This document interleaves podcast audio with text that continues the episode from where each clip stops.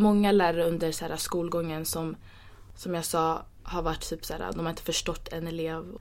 Klagat på att elev är si och så men för att den inte förstår eleven. Mm. Om du är en lärare måste du kunna förstå att du kommer möta upp människor som inte är som det du tror att det ska vara. Om man säger så.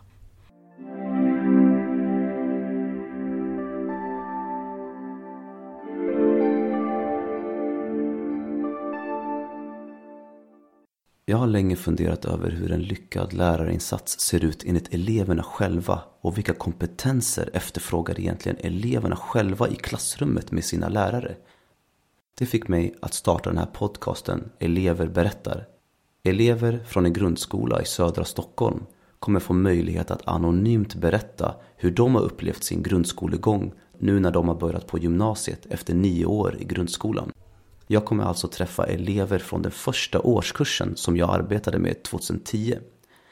Och syftet är att eleverna ska få en plattform till reflektion och delaktighet i sitt eget liv om vad som har motiverat dem, hämmat dem och vad deras uppfattning om en bra lärare är i grundskolan.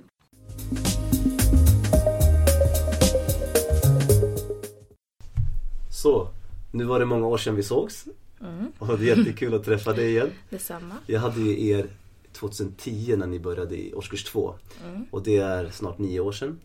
Ehm, Jag är jättetacksam att ni har kommit hit och att du sitter här nu. Eh, Och jag vill fråga dig lite grann om hur det har varit att vara elev i grundskolan Yes. under de här åren. Så om du tänker bara så här under dina nio år i grundskolan. Det är en stor grej, ni har liksom klarat grundskolan. Det ska man vara stolt över. Och hur har det varit att vara elev i, under de här nio åren? Det har varit ganska kul faktiskt. Man fick lära känna nya människor och så här, möta på människor man aldrig träffat, alltså så här, fått träffa förut. Mm.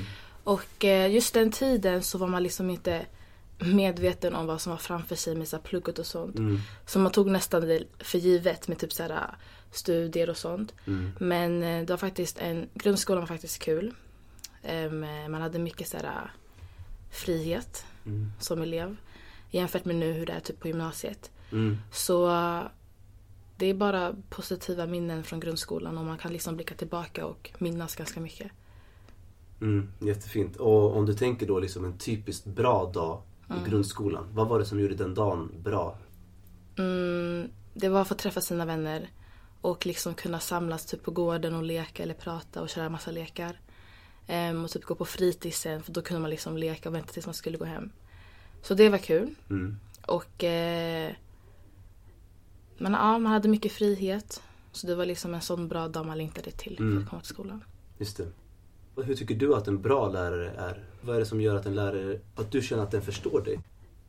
För det första så ska det vara liksom så här, att någon slags trygghet hos läraren. För en lärare är någon man liksom är med under studierna. Mm. Och vi tillbringar liksom mer tid i skolan än vad man gör hemma till Mm. exempel. Så en bra lärare skulle vara en person som är glad och som är hjälpsam och som förstår. För det är viktigt att en lärare förstår en elevs situation. Och att man har dåliga, dåliga dagar eller bra dagar. Ja, en lärare som liksom lär ut på bra sätt Mm. och som ser fram emot att träffa eleverna och göra en annan elevs dag bättre. Just det. Och vilka, vilka vuxna minns du? Och vad, vad minns du dem för från grundskolan? Mm, jag minns en lärare som eh, var liksom typ allas favorit om man säger så. Och eh, det var just för att man liksom kände någon slags trygghet hos honom. Det var, man kunde prata med han och det var liksom, han var alltid där och var glad om man Mm. säger så. Mm. Så det var någon slags trygghet att liksom komma till skolan och få vara med den personen eller något sånt. Mm. Och han gjorde alltid så aktiviteter för eleverna. Så det var så här, man längtade till att komma till skolan för att det var aktiviteter på skolan. Ja. Och se- ser du beteenden idag hos vuxna som du vill ta efter? Som du tycker är bra beteenden? Mm. Lärare som förstår elever. För eh, alla har ju olika bakgrunder, kommer från olika familjer och så vidare. Och gått igenom olika grejer. Och vissa av elevernas beteende förstår inte lärare. Mm. Det kanske finns elever som liksom inte kan fokusera i klassen eller elever som liksom har det svårt att liksom lära sig eller lyssna. Mm. Sen så finns det andra elever som har det enklare för sig. Och jag tycker det är viktigt att en lärare ska kunna förstå att i en klass så finns det elever med olika kunskaper. Mm. Och eh, när det är en lärare som är neutral, Mm. då är det någonting bra tycker jag. Mm. Och det är någonting som lärare borde fortsätta, för alla har ju olika svårigheter också. Mm. Neutral som är att man möter, hur menar du med neutral? Typ såhär att man ska kunna förstå vart olika elever kommer ifrån Mm. och liksom undervisa på ett sätt som blir bra för alla. Så jämställt. Just det. Du har beskrivit liksom hur en bra vuxen ska vara i skolan. Mm. De vuxna som du kanske inte tyckte var så bra. Mm. Eh, du sa att det finns ju sådana också. Mm. Om du fick ge alla dem ett tips. Om Mm. du stod inför dem, så här, vad skulle du säga till dem? Främst det jag har sagt, det här med att förstå.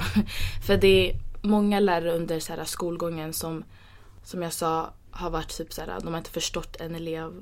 Klagat på att elever är si och så, men för att den inte förstår eleven. Mm. Så mitt tips till sådana lärare är typ att om du är en lärare måste du kunna förstå att du kommer möta upp människor som inte är som det du tror att det ska vara, om man säger så. Alltså på, på skolor idag runt om i, i Sverige så pratar man mycket om trygghet. Mm. Om att man ska känna att liksom, tillit och förtroende mellan elever och lärare. Alltså vad får dig som elev att lita på mig som vuxen? Mm. Men om vi börjar med trygghet, eller ordet trygghet. Vad Mm. betyder det för dig? Trygghet är eh, främst att man har någon att prata med som man litar på. Och då är det allt från att man kan säga saker till läraren som inte den kommer säga till någon annan. Eh, Det kan vara att man kanske haft en dålig dag och man pratar med den lärare för att det är ens trygghet. Ehm, Så en lärare som man har förtroende för. Mm. Vad, precis, vad, och det här förtroendet. Mm. Vad, vad får dig att känna förtroende för en vuxen? Jag tror det är när typ en vuxen typ kollar hur den mår Mm. och liksom är villig att veta eller lära känna mig också. Det finns ju lärare som inte bryr sig alls om eleverna och då skapar man inte någon slags trygghet hos den, hos den personen. Mm. Men om det är lärare som liksom är villiga att liksom prata med eleverna, kommunicera och bara hur har din dag varit, hur är det hemma, så och så. Då, för, alltså då skapar man någon slags trygghet hos den personen. Mm. Jättefint. Och du har beskrivit lite grann om hur du tycker att en bra vuxen ska vara i skolan. Mm. Um, ha, hade, du, hade du vuxna du kunde prata med i grundskolan? Ja, faktiskt. Och vad fick dig att prata med just de personerna? Ehm, just för att det var så aktiva lärare som alltid var där och ville prata. Eh, och som ställde frågor och var alltid där när man behövde dem. Mm. Ehm, så det var just de lärarna man liksom ville vara runt än de andra. De låter som att de visar intresse liksom. Precis. Om de kommer fram till dig och... Ja. ja. Precis, för det är ganska viktigt också att man har någon lärare att man, som liksom man kan prata med. När känner du att du får uttrycka dina åsikter i skolan? Det är när, ifall jag har liksom sagt min åsikt och att någonting händer utav det. Mm. För eh, det är just typ därför man har typ så elevråd och sånt där. Mm. För då får liksom eleverna den chansen att uttrycka sig på ett sätt. Och utifrån det så börjar man se typ någon slags förändring i det. Och ja. Verkligen. Är det något som du tänker på som, som du, vill, du vill säga till, till, till vuxna? Eller är det något så? Um, fakt, ja, eller så som jag har sagt, Mm. att det är jätteviktigt att lärarna liksom förstår eleverna. För jag tror inte många är medvetna om hur viktigt det är. För eh, om inte, som jag sa, alla elever är ju olika, alla har olika svårigheter och så vidare. Så det är jätteviktigt att man som elev kan komma till skolan och känna att någon förstår vart jag kommer ifrån. Och att man känner sig trygg i det. Verkligen. Mm. Och jag får tacka dig så jättemycket. Tack själv. Och det här är, hoppas jag kommer kunna vara nyttigt och bra för vuxna att lyssna på. Precis. Eh, jag tror verkligen det. Ni har sagt så bra saker. Vi avslutar där.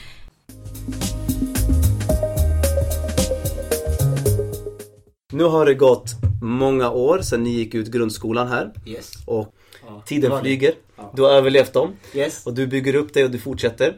Hela tiden. Så hur har det varit för dig att vara elev i grundskolan under de här nio åren? Eh, att vara elev har varit både långtråkigt, roligt. Alltså det har varit, alltså det har varit så, alltså så mycket under de här senaste nio åren som jag, sen, sen jag gick ur grundskolan.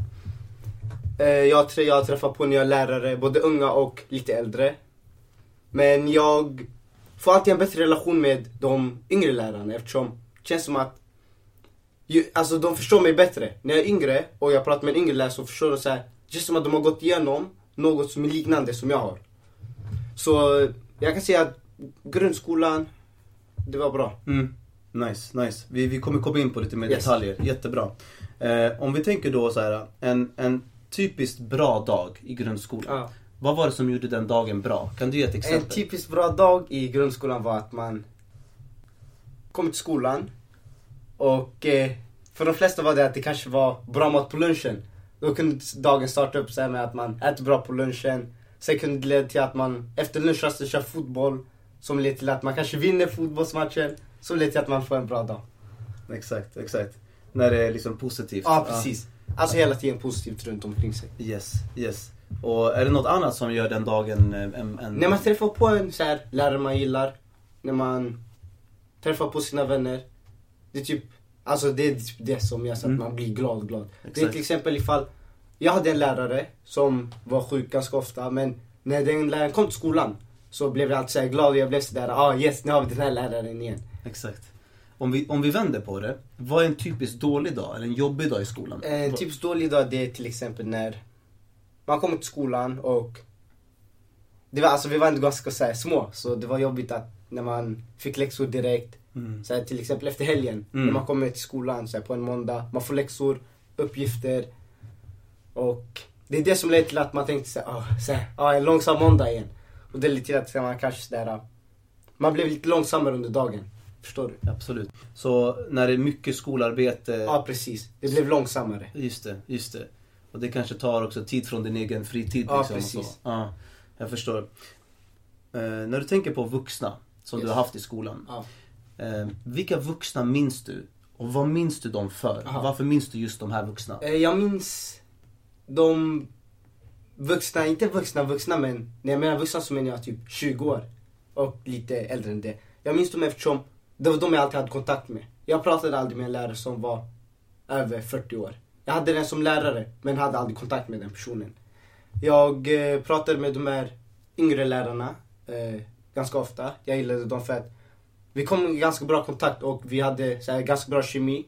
Vi lärde känna varandra. Jag så här, eh, berättade om vad jag gillade i skolan. Jag körde fotboll med dem till och med. Och det ledde till att jag fick en starkare relation med dem. Exakt, exakt. Vad var, det, vad, vad var det som gjorde till exempel att du inte fick en så bra relation med de som var äldre? Det var att jag, alltså jag kunde inte komma i kontakt med dem så bra eftersom, alltså det är inte att, jag har inget emot dem så här, som lite äldre men det är att de förstår mig inte lika bra som de yngre lärarna känner mig. Alltså det är till exempel att jag ska nu gå till ett dagsbarn och prata med den. Och då, den skulle känna sig mer säker med mig än vad den skulle känna sig med en 50-åring som kommer. Den skulle tänka att ah, den här killen försöker, här, den yngre killen vill hjälpa mig från den gamla killen. Just det. Just Förstår det. du? Jag fattar. jag Det är till exempel att ett litet barn kommer hit, den skulle Ifall en annan så här gammal person hade kommit, den skulle kolla, den skulle hellre komma till mig för den känner sig mer säker eftersom jag är yngre. Och den vet att jag inte kanske så här, gör något. Mm. Det, det låter som att du beskriver en gemenskap typ. Ja precis. Alltså att känna en ja, sammanhållning. ja, en bättre så här, en bättre så här, känsla när man träffar på en person. Typ. Just det, just det. Om du tänker då på, på vuxnas beteenden. Yes. Finns det beteenden hos vuxna som du vill ta efter? Ja det finns det. Det är att de är ganska barnsliga. Alltså, det finns några vuxna som kanske de brukar ta, några, alltså jag vet inte ifall några vuxna har tagit till våld men det finns några vuxna inom skolor, jag säger inte vilka skolor, jag vet inte. Mm. Men att de har tagit till våld mot eleverna. Okej. Och kanske, det finns några vuxna som kanske så här, beter sig lite sämre mot elever som kanske är utländska.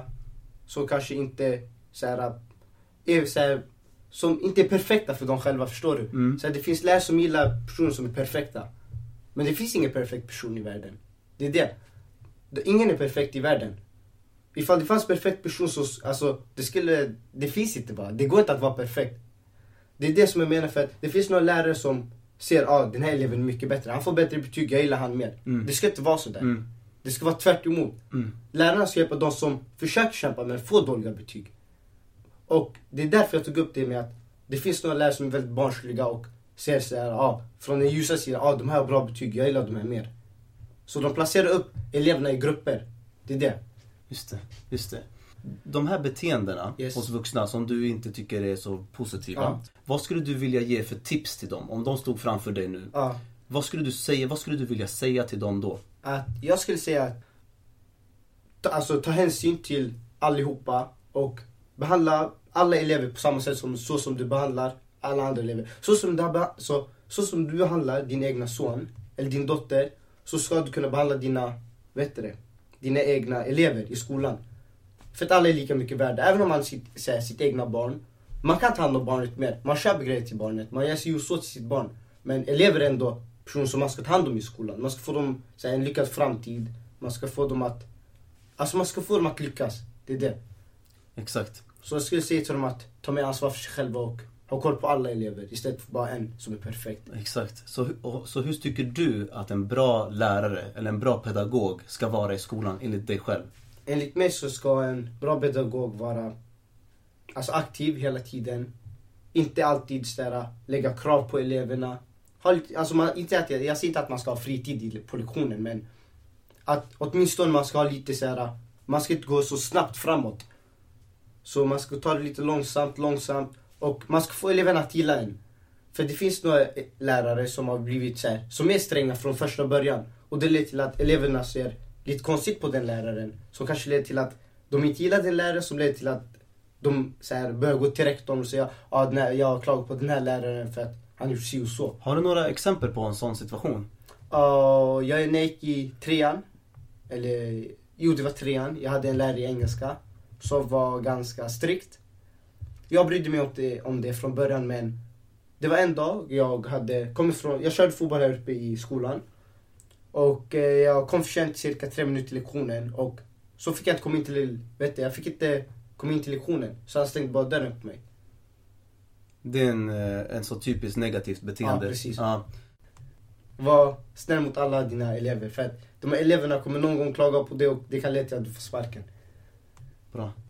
Ehm, på skolor idag pratar man mycket om trygghet. Yes. Hur kan vi öka tryggheten för eleverna? Hur kan vi bygga relationer med eleverna? Så att de känner tillit till oss och kan lita på oss vuxna. Ordet trygghet. Yes. Vad betyder trygghet för dig? Trygghet för mig betyder att, alltså till exempel att jag kan gå på toa utan att någon så här, vet du, börjar dra handtaget. Trygghet betyder att jag kan komma till skolan utan att jag känner att någon kommer hålla på. Trygghet, alltså, trygghet betyder så mycket. Alltså det är ett ord men betyder så mycket. Det är så, här, så, så utböjt, så här, det är så utbrett. Trygghet är väldigt viktigt och alltså trygghet för mig alltså, det betyder ga- ganska mycket. Vad är det som gör det så viktigt för dig, trygghet? Eftersom trygghet, alltså ifall man inte känner sig trygg kan det leda till alltså, väldigt många konsekvenser. Det kan leda till att man kanske, alltså till och med, till och med tar livet av sig själv. Att man känner sig självmordsbenägen. Och det har jag läst om ganska mycket om på internet. Och jag ska inte tro allt som jag läst på internet, men jag vet att det känns så. Det är att, till exempel ifall man går till skolan nu och man känner att ah, den här personen kommer vara jobbig, den här läraren i skolan, inte igen. Sådär. Då man kommer säkert tänka såhär, ah, jag vill inte gå till skolan längre. Och det leder till att man kanske slutar gå till skolan. På grund av att man inte känner sig trygg. Det är därför trygghet är väldigt viktigt i skolan. Mm, mm, jättebra. Och trygghet är ju någonting som man vet, det är bara positivt. Jag alltså, det hjälper elevers kunskap. Yes. Det hjälper elevers mående. Det hjälper, som du sa, det är så stort och brett område att det finns nästan bara positiva fördelar med Exakt. det här. Eh, om vi då, om vi då ehm, pratar om tillit. Alltså vad behöver du som elev Yes. av mig som vuxen för att du ska känna tillit Ja. och kunna lita på mig? I den här relationen mellan oss. Ja. Hur tycker du att den relationen ska vara? Hur tycker du att den vuxna Alltså- ska vara? Jag, som sagt, alltså den vuxna måste alltid vara Alltså den måste vara snäll mot sin, alltså eleverna. Alltså, det behöver inte vara en lärare, det kan till och med vara en, vet du en vikarie som kommer. Alltså en vikarie kan vara, alltså det kan vara väldigt så här, bra för en elev som kanske mår dåligt. Alltså den eleven kanske vill prata med någon, hon kanske inte kan prata med elever och inte en lärare som den inte gillar kanske. På grund av att den här läraren är jättestrikt. Så den här eleven vill kanske prata med sin vikarie. Och det som bygger det här förhållandet mellan eleverna och vikarien, eller lärarna, det är att den här läraren eller vikarien måste alltid så här, ta, ta, ta hänsyn till alla i klassrummet, visa kärlek, vi, alltså alltid vara positiv och aldrig negativ. Även om den, så här, alltså vi ser till exempel nu ifall en elev och en lärare har en dålig dag. Alltså jag tycker ändå att det är lärarens ansvar att ändå, vet det, att hjälpa eleven att må bra igen. Även om själva läraren mår dåligt själv. Det är inte något jag kan bestämma, men det är något som jag tycker att vi borde koncentrera oss mer på. För det brukar komma några så här, lärare till skolan som är väldigt arga. Och man kanske mår själv dåligt och vill prata med den läraren. Mm. Men det leder till att man ser på att läraren är arg och man vill prata med den läraren. Mm. Och det leder till att man börjar, tänka, man, man börjar övertänka och det är då de här tankarna börjar komma om självmord Mm. och såna här grejer. Har du fler exempel på egenskaper hos en vuxen som bygger på den här relationen? Ja, det är att man måste prata med den väldigt. Man måste säga, själva läraren måste ta tag i eleven och prata med den ganska mycket. Alltså läraren måste vara ute på lunchrasterna några gånger. Alltså, det finns så mycket som gör så att en lärare kommer nära en elev. Och inte bara elev, elever. Den här läraren kan prata med flera elever. Och det som leder till att så här, elever och lärare, jag kom ganska nära några lärare. Och det, alltså, det var för att jag alltid pratade med dem, jag var social, de var sociala tillbaka. De var inte så, så här, jag säger inte elaka men de var inte så, de tänkte inte bara på sig själva. Så Mm. de tänkte inte bara, ah, så här, det här är mitt jobb, jag får mina pengar när jag är klar. De tänkte inte så här, de tänkte, ah, det här är elever som vi kan hjälpa. Det här är elever som, så här, som jag gillar. Och det är så, våra, så här, vi byggde upp vår relation hela Just- tiden. Just det. Alltså, du har beskrivit väldigt mycket detaljerat hur du tycker att den ska Ja. vara. Hade du vuxna under grundskolan som du kunde prata med? Ja, det hade jag. Och vad var det som gjorde att du gick till just dem? Jag ska vara helt ärlig. Jag gick inte till min mamma och berättade några gånger. Och jag gick till mina lärare som jag här, litade på. Det för att jag kom i så bra kontakt med dem. Det kändes som att de här lärarna är typ som mina egna storebröder. Storsystrar. Så kändes det. Alltså jag kom så nära dem att de kändes som familj till mig. Förstår du?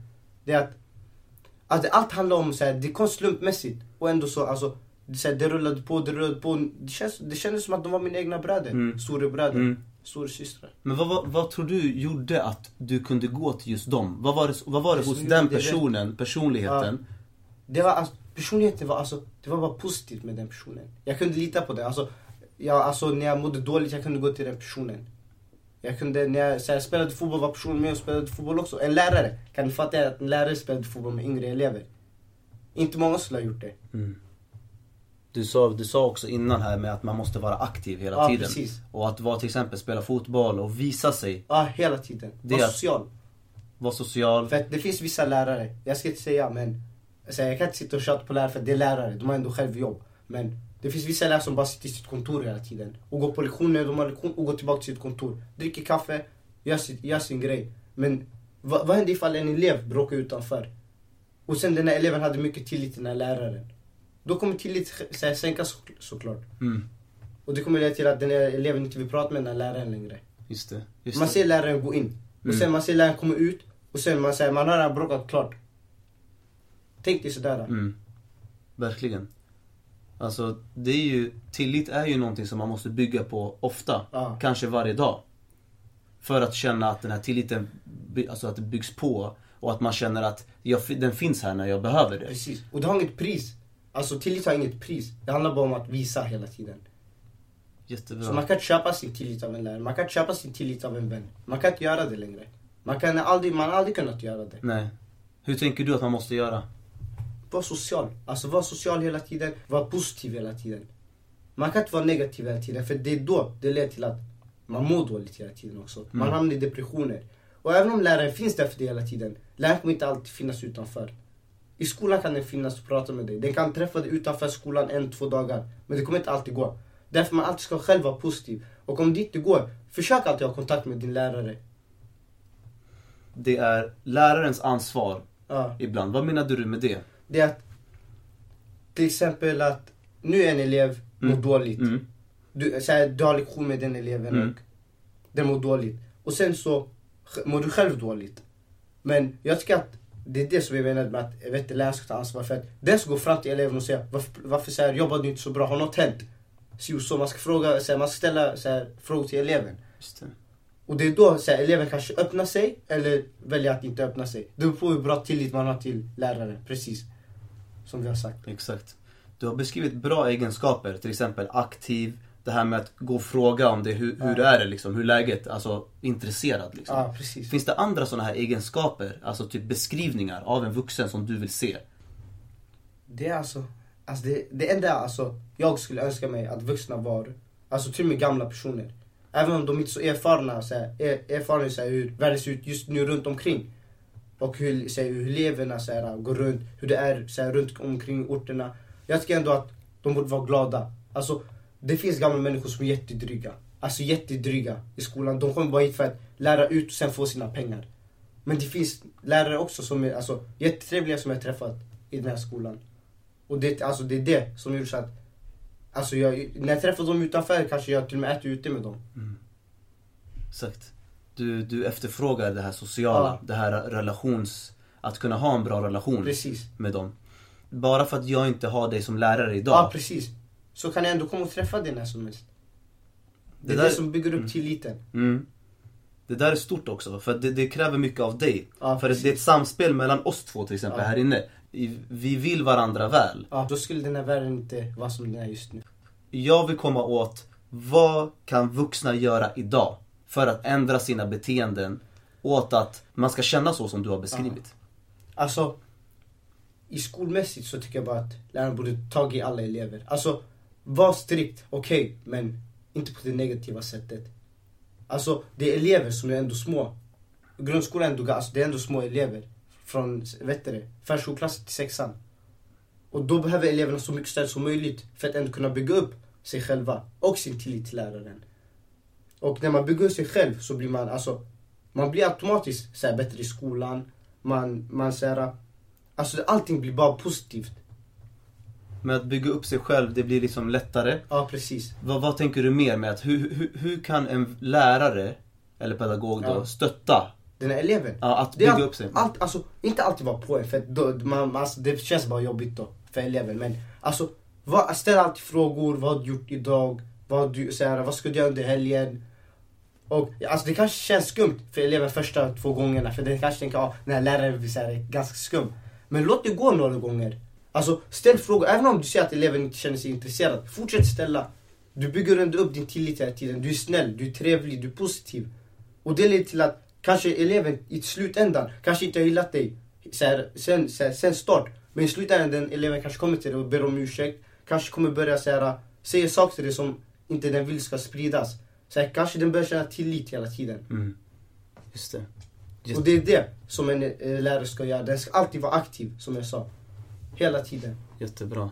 Alltså, jag vill att andra vuxna ska få höra era åsikter, era tankar. Och du har beskrivit så här beteenden som vuxna liksom, bra beteenden, negativa beteenden. Förresten, förebilder. Förebild. Har du några, vilka, vilka vuxna har du som Alltså, förebilder idag? När jag var... När jag gick i, an, i tvåan, Mm, i andra året i grundskolan. mm, så hade jag de, alltså de som var yngre lärarna, det var mina förebilder. Alltså jag gillade dem väldigt mycket, alltså jag ville bli som dem. För att de, alltså, de, de, alltså de var så positiva, jag tänkte alltså hur kan man vara så positiv lärare när man har så mycket jobb? mm. Det var det som fick mig att säga, säga jag fick säga frågor i huvudet sådär, Mm. jag tänkte såhär, oh shit sådär. Mm, Hur blir man, alltså hur är man så här positiv i ett jobb? Mm, Och det var då jag tänkte sådär, okej de här lärarna kan jag verkligen lita på. mm. Det var, som, det var så jag tog tag i det också, jag alltid började prata med dem och de alltid började prata med mig också. Det var så jag så här, fick bättre relation med dem och det är därför de, mina för, så här, de var mina förebilder och är mina förebilder idag också. Exakt. Har du vuxna du kan prata med idag i skolan? Eh, inte gymnasiet tyvärr. Nej. Vad, vad är det som gör att du inte har det idag? Eller Det är du, för- du kanske inte behöver det på samma Nej, sätt ja, heller? ja, precis, det är därför. Mm. Men det är också för att jag känner mig, alltså det känns redan som att jag har vuxna, tillräckligt många att prata med. Så jag behöver inte lägga till några fler. Att det, alltså man kan alltid prata med flera, men jag tycker att man borde hålla sig till dem man redan kan lita på från första, första början. För att man vet inte vad andra personer, så här, lärare, vikarier är kapabla till att säga. Mm. De kan lova en grej, Mm. men kan gå och säga det sen. Mm.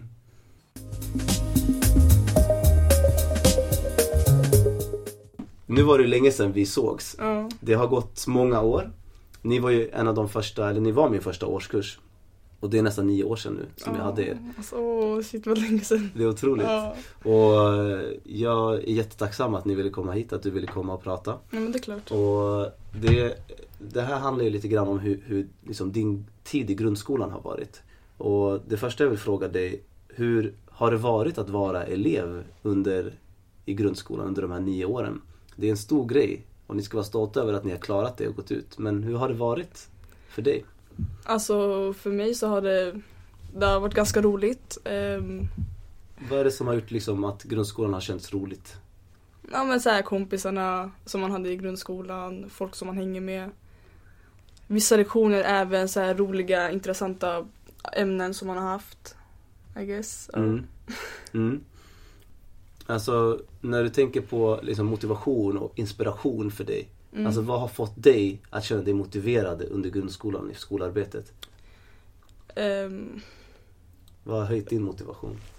Ja men ja, kompisar. ehm, kanske till och med vissa lärare som, alltså hur ska jag säga, att de typ motiverar dig eller att de hjälper dig. De, vill, de visar att de bryr sig och de vill hjälpa dig. Alltså Mm. i skolan. Mm. Ja, de vill, alltså, de vill ditt bästa helt enkelt. Och att de visar det också vilket är jätteviktigt för att man, att man som elev ser att någon faktiskt bryr sig om din framtid och vad du vill göra i, men, ja, i framtiden. Verkligen. Och på vilket sätt har, visar de det för dig? Att de bryr sig? Um, nej men att de, eh, till exempel om det inte går bra för dig på något ämne eller på något prov så visar de ändå att eh, de, alltså de hjälper dig typ gå upp, eller att de hjälper dig förbättra dig själv. Både alltså i skolan men också som, alltså, som människa. För jag kommer ihåg i, när var det? Jag tror det var i sjuan eller åttan då vi hade, alltså min SO-lärare.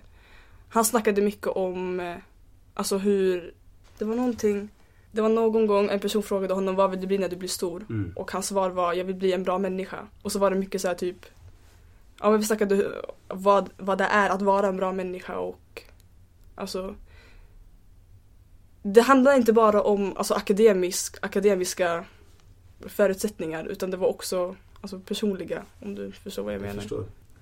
Ja, så det hjälpte också så här motivationen och man gillade hans lärande och allting så Just det. Det underlättar att tycka om sin lärare. Ja, och på ett, på ett bra sätt Mm. också.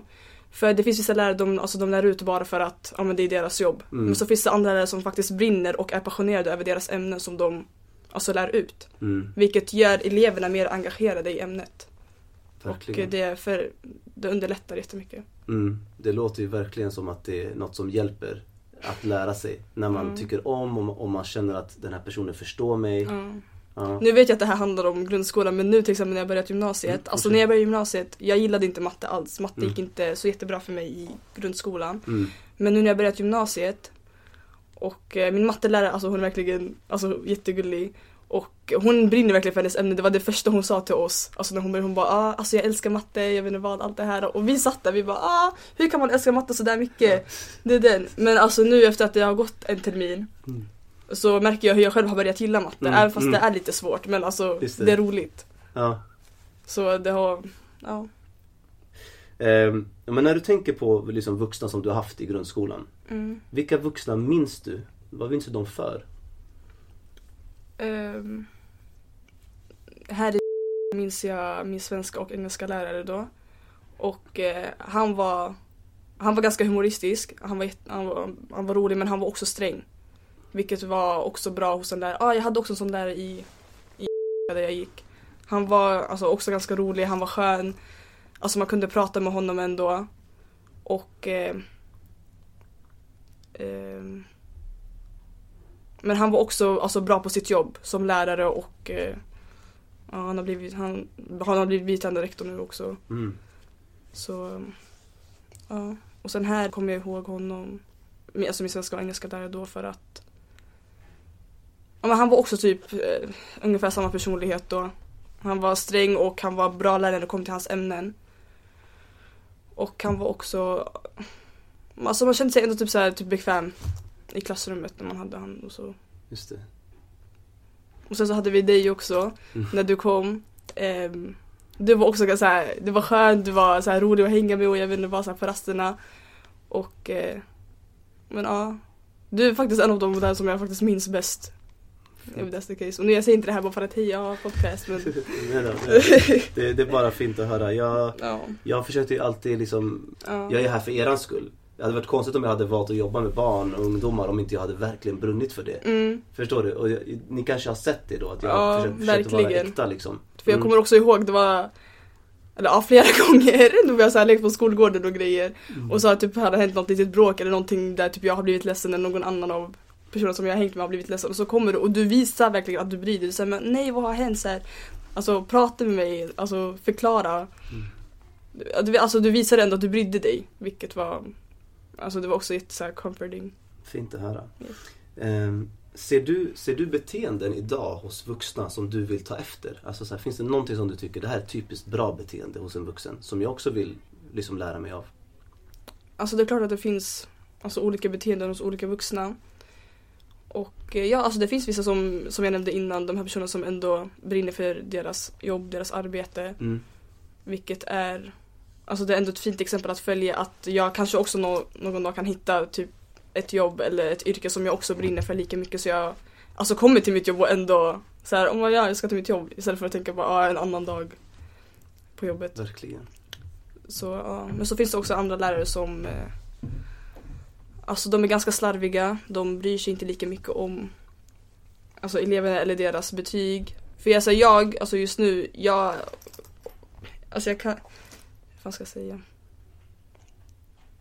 Alltså jag blir ganska arg på mig själv om jag får ett lägre betyg än vad jag trodde att jag skulle få. Just Och det är inte för att ja, men jag vill att mina föräldrar ska också vara stolta över mig och jag vill alltså typ tävlas med andra i klassen utan det är för att det här är mina betyg nu som jag Alltså de spelade stor roll i min framtid, alltså typ så universitet, högskola Alltså det som jag vill göra i framtiden och att en lärare inte bryr sig om hur det går för dig på deras kurs eller deras ämne Alltså det, det är jätteirriterande Mm. eller ja alltså Det är störande. Mm. Det, det verkar som att du känner av det där på dina vuxna som du har mött när, Mm. när man verkligen menar det och visar att man är ärlig och äkta. Ja. Än att, eh, som du säger, att någon, du ser på att en lärare kanske tänker att ah, men det här är bara en, en vanlig dag på jobbet. Mhm. Det var, det var Ja. bra beskrivet faktiskt. Men jag För det är fett såhär olika, alltså Mm. För Jag vill inte heller bara sitta och hata på en lärare bara för att jag har tråkigt utan Alltså det finns ändå anledningar bakom det. Men det finns olika anledningar för olika människor. Så om jag står för alla sådär, jag vet inte. vi, vi ska gå lite mot så här, prata lite om trygghet och, och tillit tänkte jag. Mhm. Och på grundskolor idag så pratar man mycket om att man behöver öka tryggheten och att, att man ska ha goda relationer med eleverna. Mm. Alltså, för det kallas för förtroendefulla, tillitsfulla relationer. Alltså att du som elev känner förtroende till mig som vuxen. Det Mm. hjälper dig att få, få in kunskaper. Och när du tänker på ordet trygghet, vad, vad betyder det för dig? Trygghet, alltså att man Alltså man känner sig trygg i sin omgivning, man känner sig trygg i sig själv också som alltså person. Att man inte är osäker på sig själv eller sina handlingar. Ehm, alltså att man känner sig typ bekväm med sig själv och med folk som man är omkring. Mm. Ja. Men det är jättebra. Och vad betyder tillit och förtroende för dig? Alltså vad får dig att känna förtroende till en vuxen? Ehm, att den personen då Alltså att man kan prata med den här personen utan att den ska typ döma dig eller döma det du gör. Men fortfarande ändå kunna ge dig typ tips eller Men alltså typ hjälpa dig förbättras eller någonting.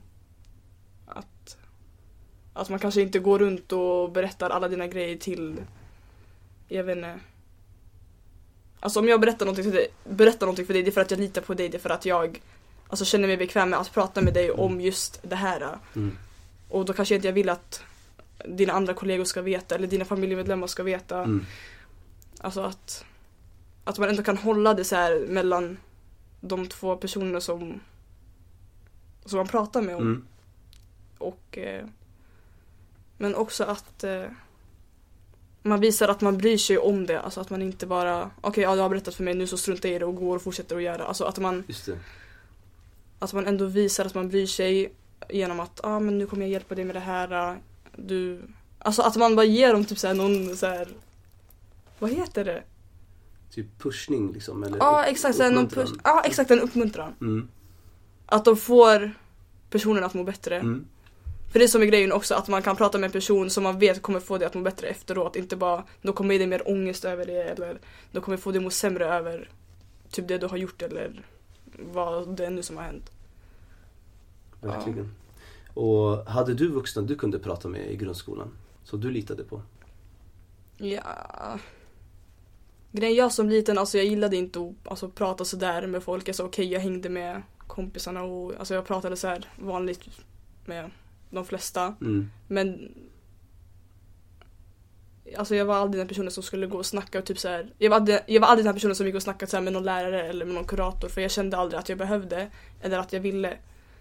Men absolut, jag tror säkert att det fanns alltså, folk på skolan som jag ändå kunde snacka med. Jag vet vad vår kurator, jag kommer inte ihåg vad han heter, men det var Mm. någon kurator som vi hade här. Mm. Alltså han var ändå ganska friendly men man kunde ändå prata med honom så inte för att jag kände att jag behövde någonsin gå till han Just det. men eh, alltså jag visste ändå att om jag behövde någonting jag kunde gå till han eller så till dig också. Just för att du kom så tidigt, alltså i våra, eller när jag var liten. Mm. Så det kändes ändå Alltså jag kände mig också trygg med dig Mm. för att du var också Vad ska jag säga? Man kunde ändå lita på dig. Mm. Ja. Det är fint. Och jag vill eh, tacka dig jättemycket för att du har varit så ärlig Mhm. och för att du tog dig tiden att komma hit.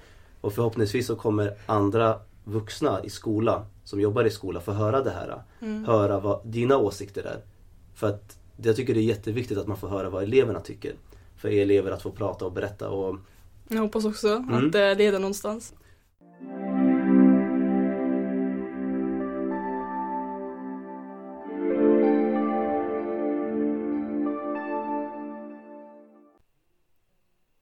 Nästa veckas avsnitt kommer vi få höra på tre nya elevers uppfattningar om relationer och trygghet i skolan. Vi kommer också presentera en konkret modell på relationskompetens enligt eleverna utifrån en analys av de här nio samtalen i podcasten. Podcasten Elever berättar är en del av en pilotstudie där vi vill bidra med kunskap om pedagogers relationskompetens utifrån de beskrivningar och kännetecken som eleverna har lyft här. Håll utkik i nästa veckas avsnitt och glöm inte gå in och följa och gilla sidan på Instagram, Facebook och prenumerera på kanalen i din telefon. Må bäst så hörs vi snart igen. Ha det bra.